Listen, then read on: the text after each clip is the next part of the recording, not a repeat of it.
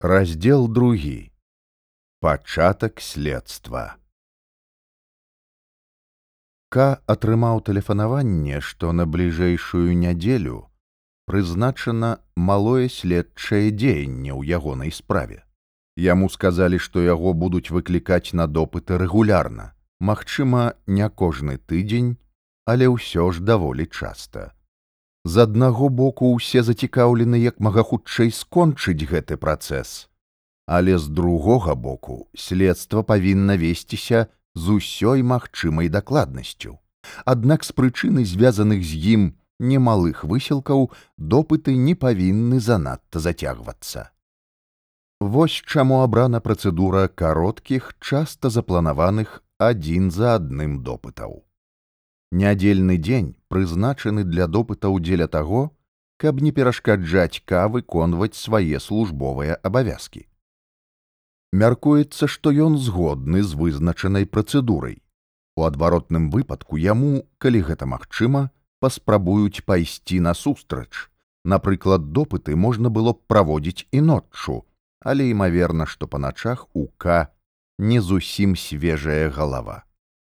У кожным разе калі ка не пярэчыць вырашана пакуль што прытрымлівацца нядзельнага дня. Само сабою зразумела што яўка для яго абавязковая. Пра гэта і нагадваць не варта. Быў названы нумар дома куды яму належала з'явіцца. Дом знаходзіўся на аддаленай вуліцы ў прадмесці дзе ка яшчэ ніколі перад тым не бываў. Выслухаўшы гэтае паведамленне К, не адказваючы павесіў слухаўку. Ён адразу вырашыў, што ў нядзелю пойдзе туды. Працэс пачынаўся, мелася адбывацца змаганне, і гэты першы допыт павінен быў стаць апошнім. Каў задуменні стаяў каля тэлефона, калі ззаду пачулася, як яго акліквае намеснік дырэктара, які збіраўся тэлефанаваць, а К заступаў яму дарогу кепскія навіны абыякова спытаў намеснік зусім не дзеля цікаўнасці а проста капка адышоў ад телефона. Не не сказаў ка адышоўшыся ў бок але не сыходзячы на зусім намеснік дырэктара ўзяў слухаўку і чакаючы злучэння сказаў затульваючы слухаўку даланёю. Адно пытанне спадарка Можа, вы зробіце мне гонар далучыцца ў наступную нядзелю да нашай грамады на маёй яхце? Збіраецца вялікая кампанія. Напэўна, будуць і вашы знаёмыя. Сярод іх, між іншым, і пракурор гастарэр. Ці вы прыйдзеце? Прыходзьце абавязкова. Кай імкнуўся уважліва слухаць кожнае слова намесніка дырэктара.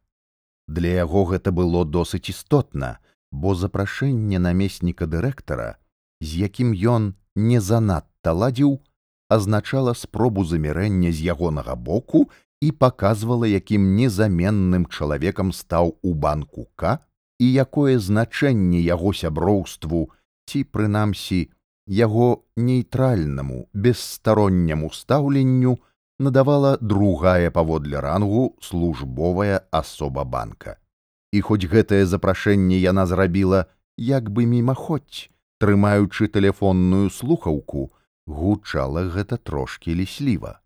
Але к мусіў прынізіць намесніка дырэктара яшчэ больш і дадаў дзякуй вам.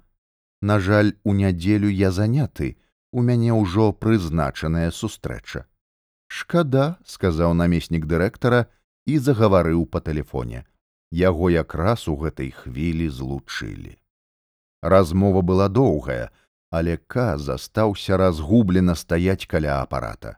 І толькі калі намеснік павесіў слухаўку, ён перапалоханы, каб хоць неяк патлумачыць сваю недарэчную прысутнасць, сказаў: « Мне толькі што тэлефанавалі, прасілі прыйсці ў адно месца, але забыліся паведаміць, а каторай гадзіне. А вы яшчэ раз патэлефануйце сказаў намеснік дырэктара ды гэта ўсё роўна сказаў ка тым самым зводзячы на нішто сваё і без таго недарэчнае тлумачэнне Намеснік дырэктара, сыходзячы, кінуў яшчэ некалькі фраз зусім пра іншае. Ка прымусіў сябе адказаць, але думаў у гэты час галоўным чынам пра тое, што лепш за ўсё будзе ў нядзелю пайсці па выкліку да дзявятай раніцы, паколькі ў будзённыя дні ўсе судовыя ўстановы пачынаюць працаваць менавіта ў гэты час. Надвор'е ў нядзелю было кепскае. Ка ледзьве не праспаў.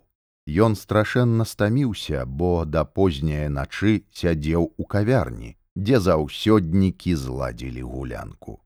Спехам, не даючы сабе часу абдумаць і прывесці ў парадак усе планы, складзеныя за тыдзень, ён апрануўся і, не паснедаўшы, паляцеў у названае яму прадмесце. І хоць разглядацца па баках часу не было, але як ні дзіўна, ён убачыў па дарозе ўсіх трох чыноўнікаў, датычных да яго справы і рабанштайнера і куліха і каменара. Першыя двое прамінулі яго, едучы ў трамваі, а каменар акурат сядзеў на тэрасе кавярні і ў той хвілі, калі ка праходзіў побач, з цікаўнасцю нахіліўся ў яго бок цераз парэнчы. Мабыць, усе трое са здзіўленнем глядзелі, як іхні начальнік некуды подбегам спяшаецца. Праз нейкую сваю упартасць ка не пажадаў ехаць. Яму было агідным любое, нават найменшае дачыненне старонніх асоб да яго справаў не хацелася карыстацца нічыімі паслугамі, і тым самым хоць бы ў найменшай ступені пасвячаць кагосьці ў гэтую гісторыю. І ўрэшце у яго не было ані найменшай ахвоты зняважыць сябе перад следчай камісіяй занадта вялікай пунктуальнасцю. І ўсё ж ён ляцеў бегма, каб з'явіцца наколькі магчыма дакладна а дзявятай, хоць яго нават не выклікалі на пэўную гадзіну. Ён меркаваў, што яшчэ здалёк пазнае дом паводле якой-небудзь прыкметы, хоць не ўяўляў сабе паводле якой менавіта, а можа і ўбачыўшы незвычайнае ажыўленне каля ўваходу. Але крыху прыпыніўшыся ў пачатку Юліус штраса, на якой знаходзіўся дом, куды яго выклікалі, ка убачыў па абодва бакі вуліцы амаль аднолькавыя будынкі, высокія, шэрыя, населеныя беднатою прыбытковыя дамы. Гэтай нядзельнай раніцай амаль з усіх вокнаў выглядалі людзі. Мужчыны без пінжакоў палілі, высунуўшыся на вуліцу, або асцярожна і клапатліва трымалі на падваконнях маленькіх дзяцей. На іншых падваконнях грувасцілася пасцельная бялізна, за якою мільгацелі растрапаныя жаночыя галовы. Усе перагукаліся цераз вуліцу, і адзін такі вокрык якраз над галавою ука выклікаў выбух смеху. Па ўсёй доўгай вуліцы на аднолькавых адлегласцях у сутарэннях месціліся маленькія бакалейныя крамы, куды можна было зайсці, сышоўшы па прыступках.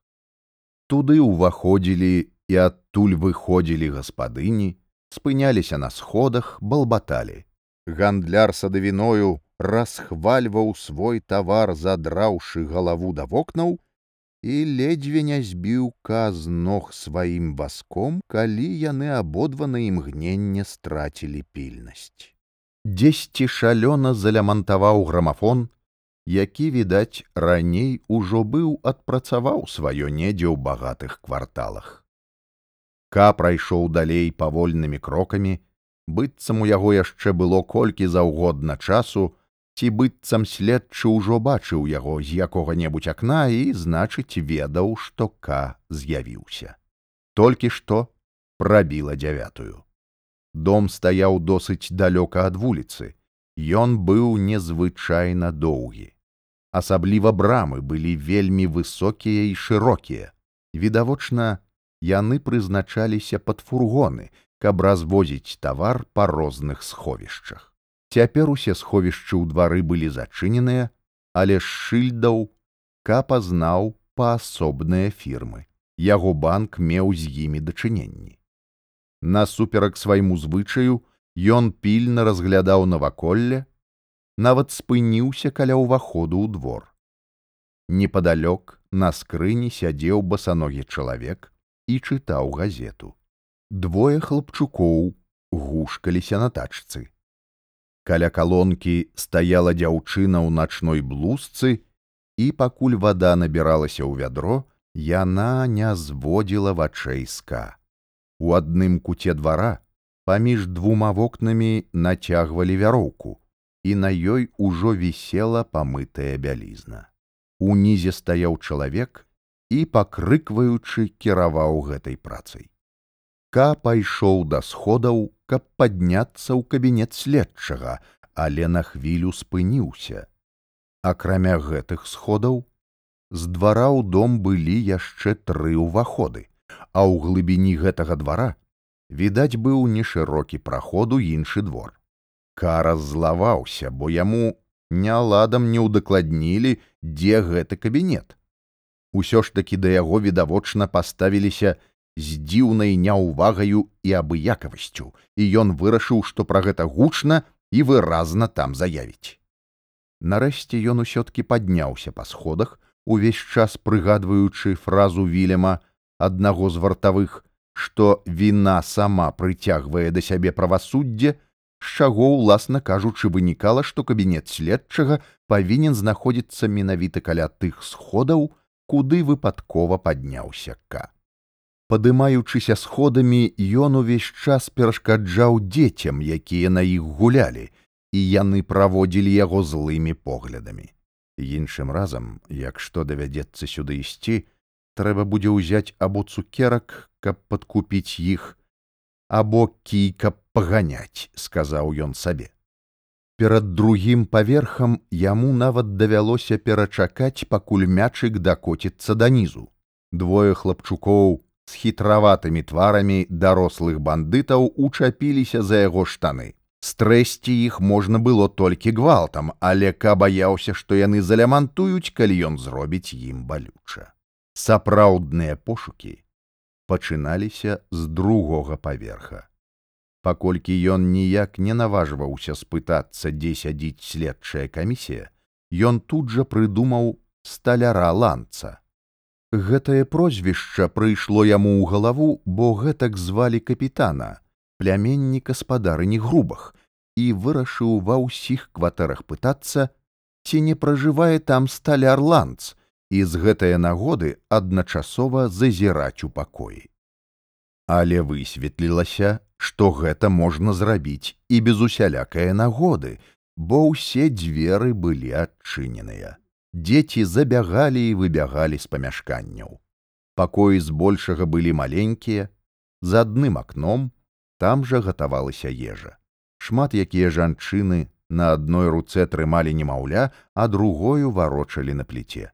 Больш за ўсіх мітусіліся дзяўчынкі падлеткі. Здавалася, што акрамя пярэднічка на іх нічога няма. Ва ўсіх пакоях стаялі разабраныя ложкі, усюды ляжалі людзі, хто быў хворы, хто яшчэ спаў, а хто проста валяўся апрануты. У тыя кватэры, дзе дзверы былі ўсё ж такі зачыненыя, каг рукаў і пытаўся, ці не тут жыве сталяр ланц. Часцей за ўсё дзверы яму адчыняла жанчына і, выслухаўшы пытанне, паварочвалася ў пакой да некага, хто ляжаў на ложку. Вось спадар пытаецца, дзе жыве сталяр ланц сталяр ланц перапытваў той які быў у ложку. Менавіта адказваў ка хоць ужо бачыў што ніякай следчай камісіі тут няма і рабіць яму тут больш няма чаго. Шмат хто меркаваў што для ка вельмі істотна адшукаць сталяра ланца. Доўга думаў называючы сталяра з іншым прозвішчам не ланц або з прозвішчам, якое толькі прыблізна гучала як ланц, распытвалі і сваіх суседзяў. Пасля праводзілі када якіх-небудзь далёкіх дзвярэй, дзе на іх думку такі чалавек мог здымаць кут, або дзе хто-небудзь лепш ведаў жыхароў, чым яны самі. Урасце ка ўжо нічога не мусіў пытацца, яго і так зацягалі па ўсіх паверхах. Ён ужо шкадаваў аб сваёй выдумцы, якая падалася яму на пачатку гэткай удалаю. Перад шостым паверхам ён вырашыў спыніць пошукі, развітаўся з ветлівым маладым рабочым, які хацеў правесці яго яшчэ далей і павярнуў назад да сходаў. Але тут жа, раздражнёны бессэнсоўнасцю ўсёй гэтай працэдуры, зноў падняўся і пагрукаў у бліжэйшыя дзверы на шостым паверсе. Першае, што ён убачыў у маленькім пакоі, быў велізарны гадзіннік, што вісеў на сцяне. Гадзіннік паказваў дзясятую. Ці тут жыве сталярланд, спытаў ён. Праходзьце, адказала маладая жанчына з бліскучымі чорнымі вачыма. Яна мыла ў карыце дзіцячую бялізну і мокрай рукою паказала на адчыненыя дзверы ў суседні пакой. Ка спачатку быў падумаў, што трапіў на нейкі сход. Натоўп самых розных людзей, ніхто з іх не звярнуў на яго аніякай увагі, запаўняў сярэдняй велічыні пакой з двума вокнамі, абнесены амаль каля самай столі галерэяй, таксама перапоўненай людзьмі. Стаяць там можна было толькі сагнуўшыся, дакранаючыся галавой і спінаю да столі. Ка адчуў задуху, выйшаў з пакоя і сказаў маладой жанчыне, якая відавочна не так яго зразумела. Я спытаўся пра сталяра, пэўна галандца. Ну так, адказала маладая жанчына, прайдзіце, калі ласка туды. Магчыма, кай не пайшоў бы за ёю, але яна сама наблізілася да яго, узялася за клямку і сказала: « Мне давядзецца зачыніць за вамі дзверы на замок. Больш нікога запускаць нельга. «Э, цалкам разумна, адказваў ка, там і без таго перапоўнена, але ўсё ж такі ён зноў пайшоў у той пакой. Двое мужчын размаўлялі каля самых дзвярэй. Адзін варушыў пальцамі абедзвюх рук, нібы лічачы грошы, іншы пільна глядзеў яму ў вочы. Паміж імі раптам з'явілася нечая маленькая рука і схапіла ка. Гэта быў малы ружова-шчокі хлопчык. Хадзем, хадзем, сказаў ён. Ка даў сябе правесці скрозь шчыльны натоўп высветлілася, што ў ім усё ж быў вузкі праход, які хутчэй за ўсё падзяляў людзей на дзве групы. За гэта сведчыла і тое, што ка не бачыў у першых шэрагах аніводнай асобы ў твар. Усе стаялі, павярнуўшыся спінамі да праходу і гаварылі толькі са сваёй групай. Амаль усе былі ў чорным, у старых святочных камізелях, што свабодна і доўга звісалі долу. Толькі гэтая вопратка збівала кастропу, інакш ён вырашыў бы, што трапіў на круговы сход нейкай палітычнай арганізацыі. У другім канцы невялікай залы, куды прывяліка, на вельмі нізкіх, таксама перапоўненых падмостках стаяў на ўскос невялікі столік, і за ім каля самага краю падмосткаў сядзеў маленькі сапучы таўстунок. Ён гучна рагочучы перамаўляўся з чалавекам, які стаяў адразу ж за ім. Той падымаў руку ў гору, нібы кагосьці цвелячы. Хлопчыку, які прывёўка, каштавала вялікіх высілкаў далажыць пра яго. Ён двойчы, падымаючыся на дыбачкі, спрабаваў паведаміць, але чалавек у крэсле не звяртаў на яго ўвагі. І толькі калі адзін з тых, што стаялі на падмостках, паказаў яму на хлопчыка, ён павярнуўся і, нагнуўшыся, выслухаў яго ціхі даклад. Таўстун адразу дастаў гадзіннік і хутка зірнуў нака. Вы павінны былі з'явіцца роўна гадзіну і пяць хвілін таму, сказаў ён. Ка хацеў нешта адказаць, але не паспеў. Ледзь той закончыў фразу, як у правай палове залы ўсе загулі. Вы павінны былі з'явіцца роўна гадзіну і пяць хвілін таму, падвысіўшы голас, паўтарыў таўстун і таропка паглядзеў уніз. Натоўп загуў яшчэ гучней, але паколькі гэты чалавек больш нічога не сказаў, гул паступова заціх. У зале зрабілася нашмат цішэй, чым было, калі ка туды ўвайшоў. Толькі на галерэі людзі ўсё яшчэ абменьваліся за ўвагамі. Наколькі можна было разгледзець у паўзмроку ў пылі і ў задусе, яны былі апранутыя горш за людзей унізе. Шмат хто прынёс з сабою посцілкі.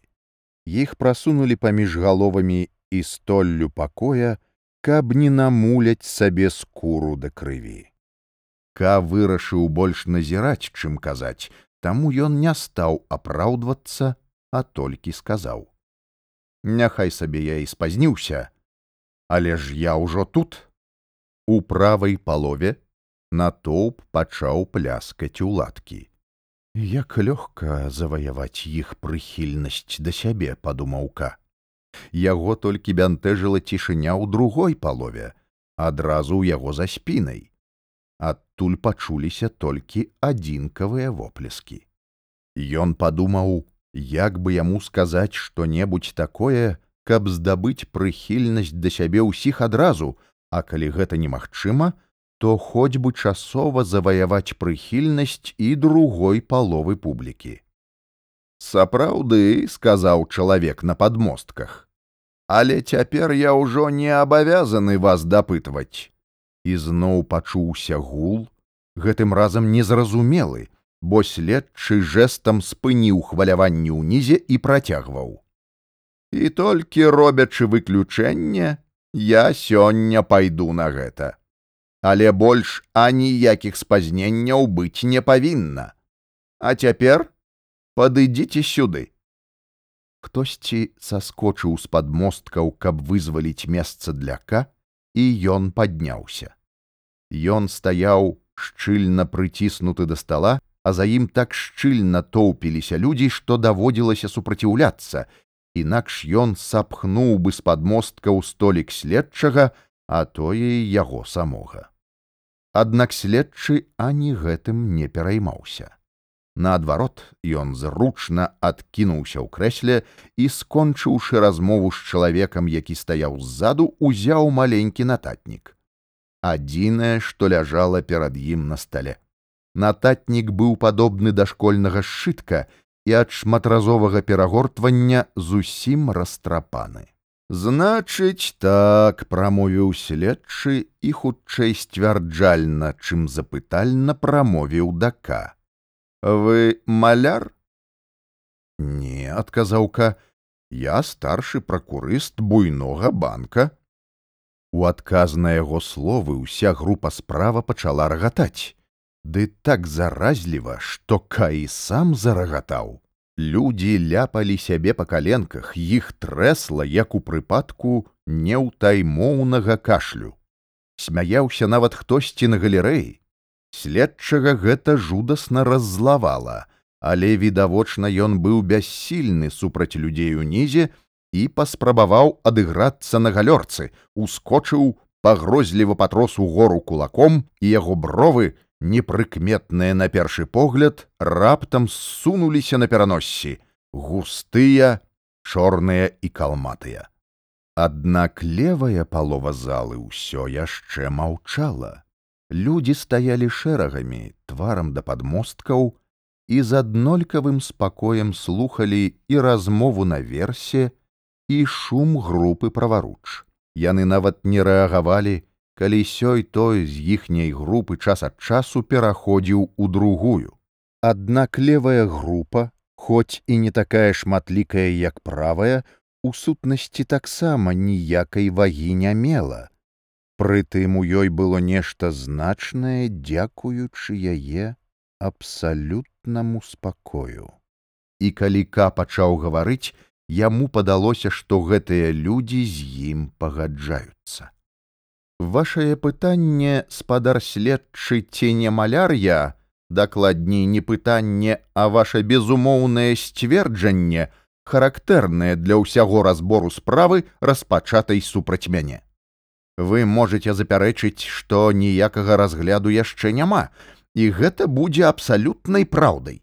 Бо разбіральніцтва можа лічыцца гэткім толькі ў тым выпадку, калі я яго прызнаю. Добра, На гэты момант я няхай сабе яго прызнаю, зразумела выключна з ласкі да вас.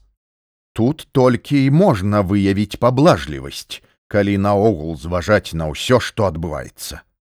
Казмоўк і паглядзеў долу ў залу. Прамаўляў ён рэзка, куды больш рэзка, чым збіраўся, але казаў усё слушна. І несумненна, ён заслужыў ухваленне тых ці іншых. Але ўсе заціхлі, відавочна чакаючы ў напрузе, што ж будзе далей, і, магчыма, гэтая цішыня ўтойвала ў сабе выбух, які паклаў бы канец усяму. Але тут абсалютна недарэчы адчыніліся дзверы, і ў залу ўвайшла маладзенькая прачка, якая відавочна скончыла сваю працу, і хоць яна імкнулася ісці як мага больш асцярожна, шмат хто скіраваў свой позірк у яе бок. Але ка шчыра ўзрадаваўся, зірнуўшы на следчага. Здавалася, словы ка закранулі яго за жывое. Следчы слухаў стоячы, а ўстаў ён дзеля таго, каб уціхамірыць галерэю. Цяпер у паўзе, што ўзнікла, Ён пачаў павольна апускацца ў крэсла, нібы хацеў сесці незаўважна. І, напэўна, каб не выдаваць хвалявання, ён зноў узяўся за свой сшытачак. Нішто вам не дапаможа, працягваўка. І сшытачак ваш, спадар следчы, толькі пацвярджае мае словы. Задаволены тым, што ў зале быў чуцён толькі яго ўласны спакойны голас, Ка нават наважыўся без усялякіх цырымоній узяць у следчага яго сшытак і кончыкамі пальцаў, нібы грэбуючы падняць яго за адзін з сярэдзінных лісткоў так, што цяпер з абодвух бакоў звісалі дробна спісаныя, запэцканыя і пажоўклыя старонкі. І гэта называецца следчай дакументацыяй, прамовіў ён, і абыякова кінуў сшытак на стол. Можаце спакойна чытаць гэта і далей, спадар следчы. Такога спісу грахоў я ніяк не баюся, хоць і пазбаўлены магчымасці з ім азнаёміцца, бо інакш, як двума пальцамі я да яго не дакрануся. У руки я яго не возьму. І тое, што следчы паспешліва падхапіў сшытак, калі ён упаў на стол і тут жа паспрабаваў прывесці яго ў парадак, а потым зноў заглыбіўся ў чытанне, магло быць толькі ўсведамленнем свайго глыбокага прыніжэння. Прынамсі, так гэта ўспрымалася. Знізу на капільна глядзелі людзі з першага шэрагу, і ён міжволі пачаў прыглядацца да іх твараў. Усё гэта былі немаладыя мужчыны, сёй той нават з сівою барадой. Мажліва, яны ўсё вырашалі і маглі паўплываць на астатніх. Тыя настолькі абыякова паставіліся да зневажання следчага, што не выйшлі са здранцвення, у якое іх прывяла прамовака. Тое, што са мной адбылося, працягваў ка ўжо трошкі цішэй, пільна ўглядаючыся ў твары тых, што стаялі ў першым шэрагу ў выніку чаго ягоная прамова гучала крыху блытана. Тое, што са мной адбылося, адно толькі прыватны выпадак, і сам па сабе ён значэння не мае, бо я не занадта бяру гэта ўсё да галавы, але гэты выпадак прыклад таго, як разбіраюцца справы вельмі і вельмі шмат каго. І тут я хацеў бы заступіцца за іх, а зусім не за сябе. Каміж волі падвысіў голас. Хтосьці, высока падняўшы руки, пачаў пляскаць і выгукнуў брава, так і трэба, брава і яшчэ раз брава. Хтосьці з тых, што стаялі наперадзе ў задуменні, церабіў бараду, але ніводзін з іх не павярнуўся на гэты воклік. Кай сам не надаў яму значэння, хоць трошкі падбадзёрыўся.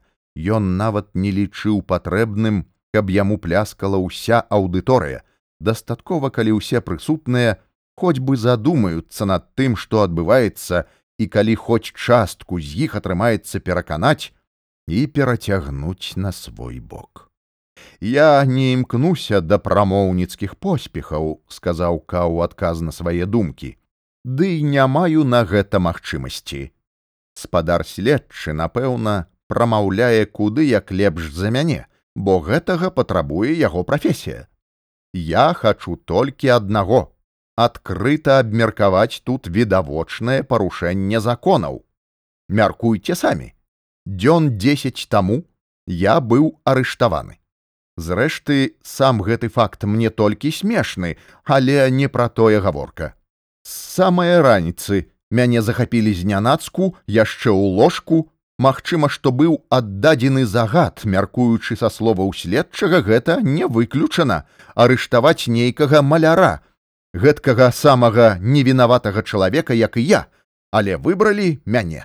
Суседні са мною пакой заняла варта. Два грубіяны калі б я нават быў самым небяспечным разбойнікам і тое немагчыма было б прыняць больш радыкальных захадаў засцярогі. Акрамя таго гэтыя людзі аказаліся дарэшты разбэшчанымі ашуканцамі.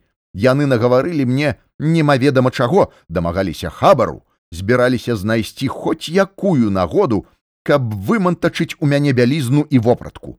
Патрабавалі грошай абяцаючы прынесці мне сняданак а перад гэтым мой уласны сняданак нахабна прыглынулі ў мяне на вачах. Але гэтага мала.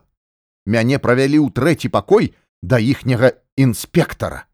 У гэтым пакоі жыве дама, якую я глыбока паважаю, і я павінен быў глядзець, як праз мяне, хоць гэта і не была моя віна, гэты пакой пэўным чынам быў апаганены прысутнасцю варты разам з інспектарам нялёгка было тут стрымаць сябе. Але я стрымаўся і спытаў у гэтага інспектара зусім спакойна, калі б ён быў тут, ён мог бы вам гэта пацвердзіць, Чаму я арыштаваны. І што ж адказаў гэты інспектар? Як цяпер бачу яго перад сабою, сядзіць у крэсле вышэй згаданай дамы як увасабленне самай бязглуздай фанаберыстасці але спадарства па сутнасці ён нічога мне не адказаў.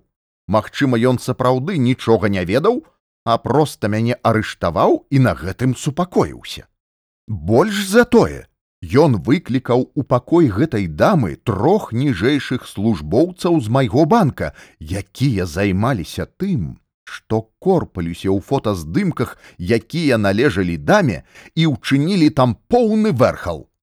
Зразумела, прысутнасць гэтых службоўцаў мела яшчэ адну мэту, а менавіта. Гэтак жа, як мая кватэрная гаспадыня і яе прыслуга, яны павінны былі распаўсюдзіць вестку аб маім арышце, каб пашкодзіць маёй рэпутацыі, а галоўнае падарваць маё становішча ў банку.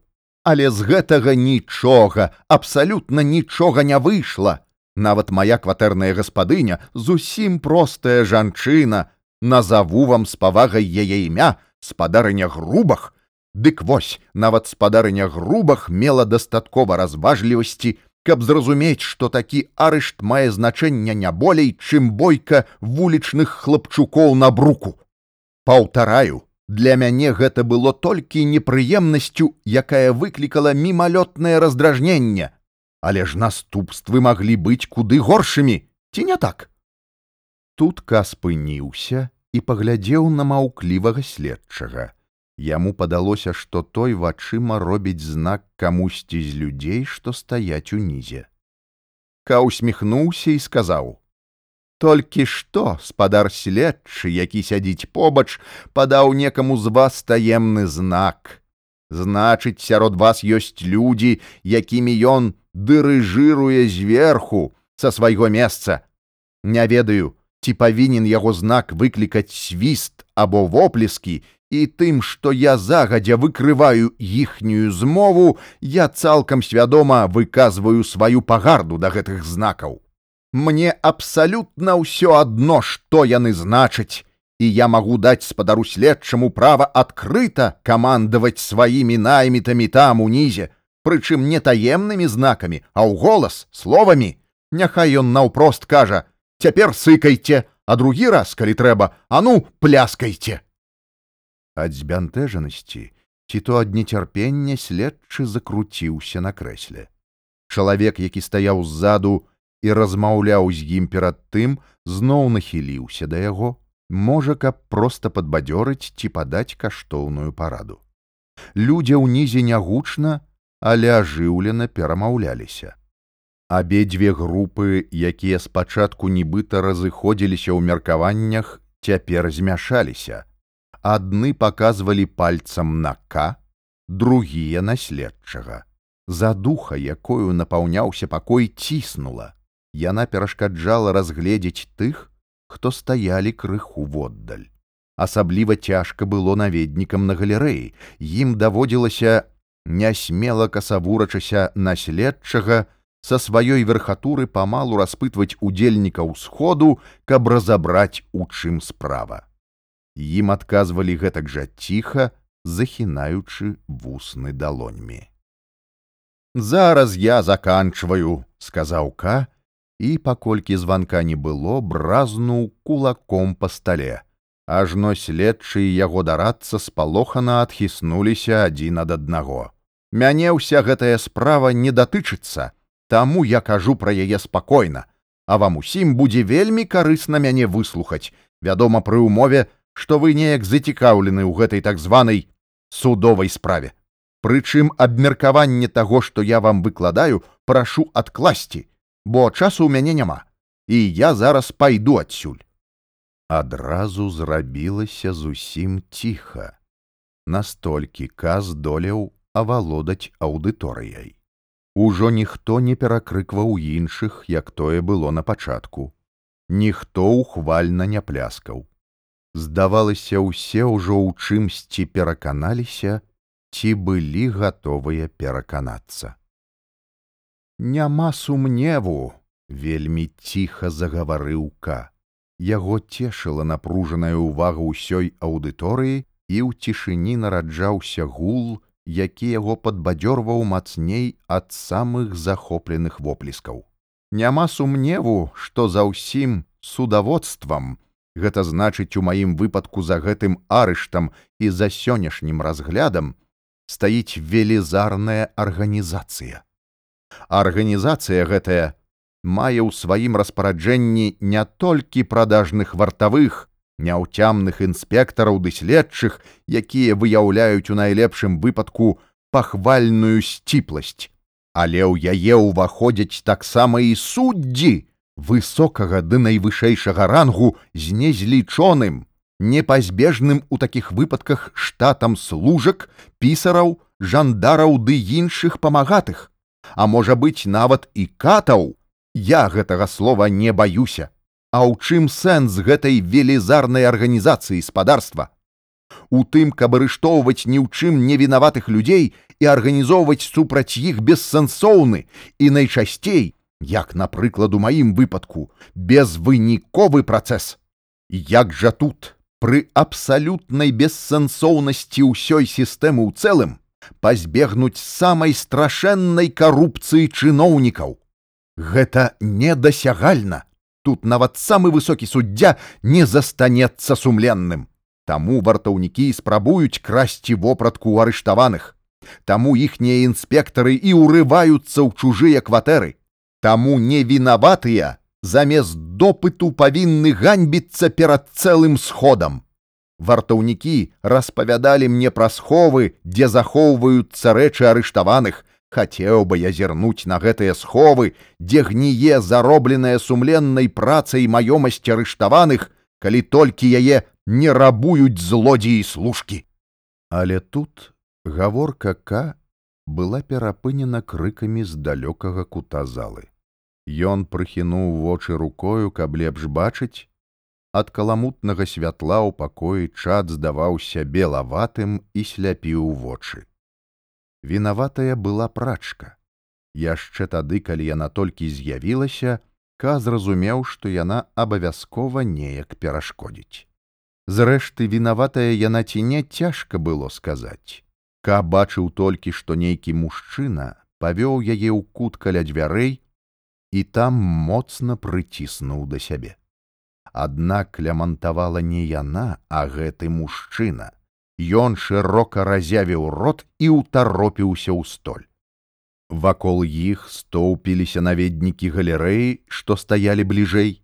Яны, відаць, прыйшлі ў захапленне ад таго, што гэтае здарэнне парушыла тую сур'ёзнасць, якую каў нёс у хаду сходу. Пад першым уражаннем Ён ледзь не кінуўся туды, вырашыўшы, што і ўсе астатнія захочуць адразу навесці парадак і хоць бы выставіць гэтую пару з залы.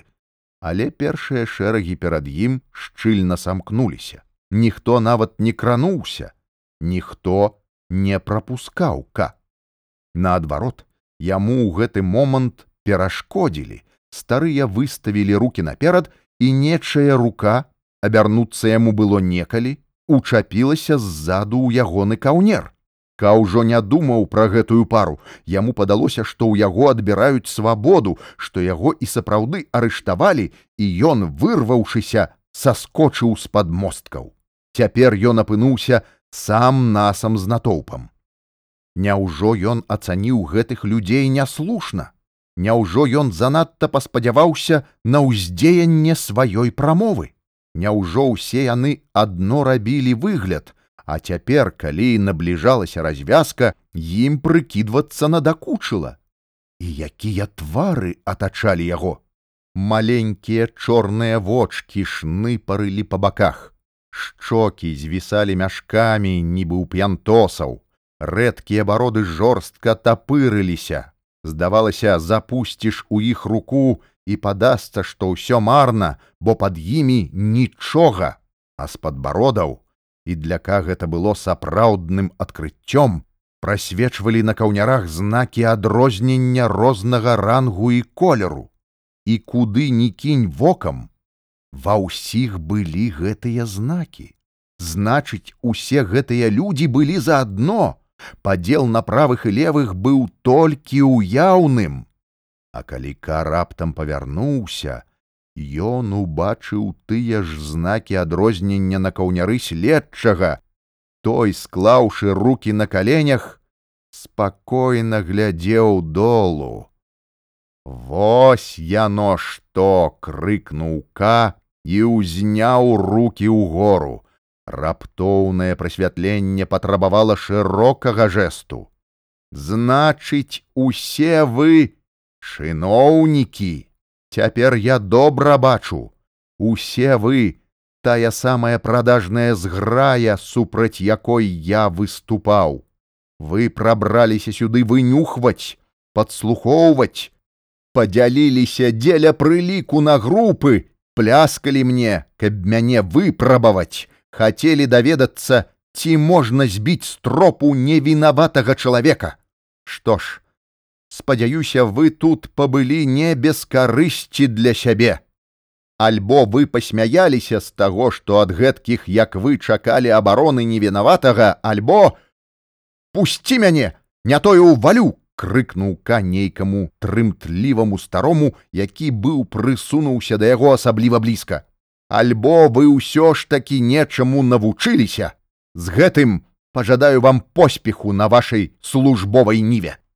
Ён схапіў свой капялюш, які ляжаў на беразе стала, і прайшоў да выхаду пры поўным і здзіўленым маўчанні прысутных. Але відавочна следчы быў паперадзека, Ён ужо чакаў таго каля дзвярэй. Адну хвіліну, сказаў ён, ка спыніўся і ўжо ўзяўшыся за клямку, таропіў вочы не на следчага, а на дзверы.